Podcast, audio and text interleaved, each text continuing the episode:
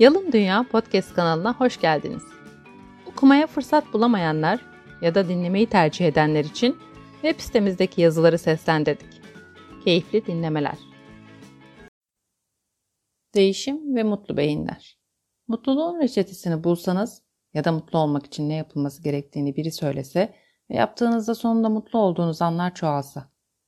Böyle bir bilgiye erişim mümkün mü?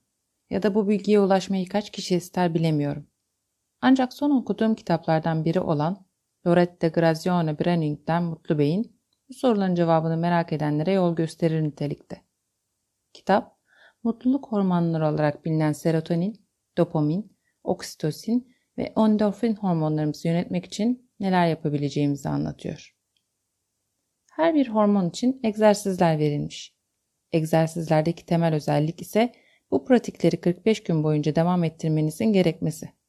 Anlatılanların davranışa dönüşebilmesi için bu uygulamaları yapma fırsatı sunması ve yaparken dikkat edeceğiniz konuların belirtilmesi açısından kitap değişim için yol gösterici nitelikte. Kitapta bahsedilen bir başka konu, araştırmacıların kısa bir süre önce yetişkin beyninde bile sadece mevcut sinapsların yeni koşullara uyum sağlamakla kalmayıp yeni bağlantıların sürekli olarak kurulduğunu ve yeniden düzenlendiğini öğrenmeleri. Bu da değişimin olması için yaptıklarımızı istikrarlı bir şekilde devam ettirmemiz gerektiğini gösteriyor. Değişim için gerekenleri günlük rutinlerimize ne kadar dahil edersek yeni yolları bulma ve geliştirme ihtimalimiz o kadar artıyor. Firmalarda değişimin ve gelişimin olabilmesi insanlara bağlı. İnsanların farklılıklarını anlamak, benzer duyguların altında yatan hormonları araştırmak benim için heyecan verici.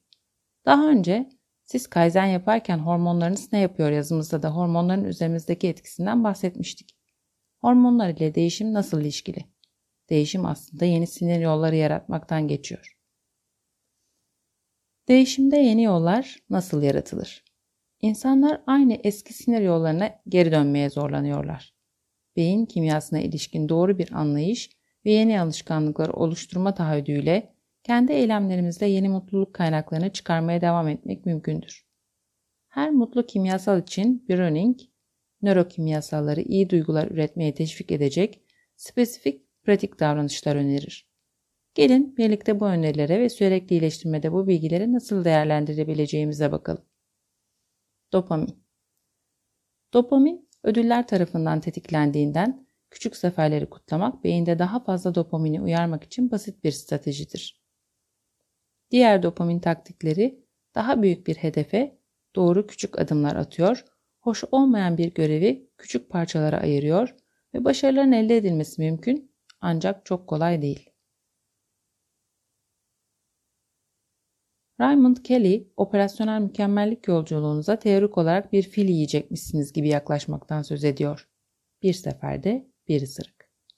Kilit nokta sürdürülebilir bir operasyonel mükemmeliyet kültürü oluşturmak için küçük, sürekli, ilerici adımlarla, ısırıklar, yapılandırılmış bir yaklaşım izlemektir. Spiritüel yaklaşım ve büyük beklentilerle gözümüzü korkutmak yerine alacağımız ısırıklara odaklanarak ilerlemek işimizi kolaylaştırıyor. Daha fazlası için sizin iyileştirme yapmama nedeniniz ne yazısını okuyabilirsiniz. Endorfin Endorfini arttırmak için insanların daha sık gülmesi, gerektiğinde ağlaması, egzersiz rutinlerini değiştirmesi gerekir. Rutin endorfin düşmanı olabilir. Bu nedenle standardı değiştirmek bu beyin kimyasalının miktarını arttırabilir. Burada çalışanların yaratıcılığını arttıracak, farklı bakış açılarını görmelerini sağlayacak şekilde gelişimlerine destek olmak gerekiyor. Bu desteğin geri dönüşü kişinin kendi yaptığı işteki rutini değiştirmesini sağlaması, işlerin daha iyiye gitmesi, kişi endorfin salgıladığı için yaratıcılığını daha sonra da kullanması için teşvik olması. Oksitosin Oksitosin güçlü sosyal ilişkileri bağlantılı olduğundan daha fazla kimyasal madde üretme stratejileri başkaları ile olan ilişkilerimizle bağlantılı olmalıdır. Oksitosine uyarmaya yönelik öneriler arasında aşağıdakiler yer alır. İlişkileri güven üzerine inşa etmek. Bir ilişkiye güvenmek için küçük basamak taşları kurmak. Kendinize güvenilir olmaya çalışmak. Bir güven doğrulama sistemi oluşturmak. Daha önce Recep Yiğit ile yaptığımız podcast çekiminde liderler ve ekipler arasındaki güvenin öneminden bahsetmiştik. Podcast'i dinlemek isterseniz aşağıdaki linke tıklayarak ulaşabilirsiniz. Güvendiğiniz bir yöneticiniz, lideriniz varsa onun gösterdiği yolda hedefe ulaşmak için onunla birlikte adım atmaya daha istekli olur ve sonuçta ekip olarak başarılı olursunuz. Serotonin Oksitosin gibi serotonin de ilişkilerimize bağlıdır. Başkalarının bize saygı duyduğunu hissettiğimizde serotonin salınımını tecrübe ederiz. Başarılarda gurur duymak, başkaları üzerindeki etkimizi kutlamak ve kontrolümüz dışındaki durumlarla barışmak serotonin dostu desenler geliştirmemizi sağlar. Değişimin içinde kişilerin katkısını görüp tanımak, sonraki adımlarda onları yüreklendirecektir. Yapılan iyileştirme çalışmalarının çalışmayı yapan kişiler tarafından sunulması ve takdir edilmesi bu hormonun salgılanmasını destekler.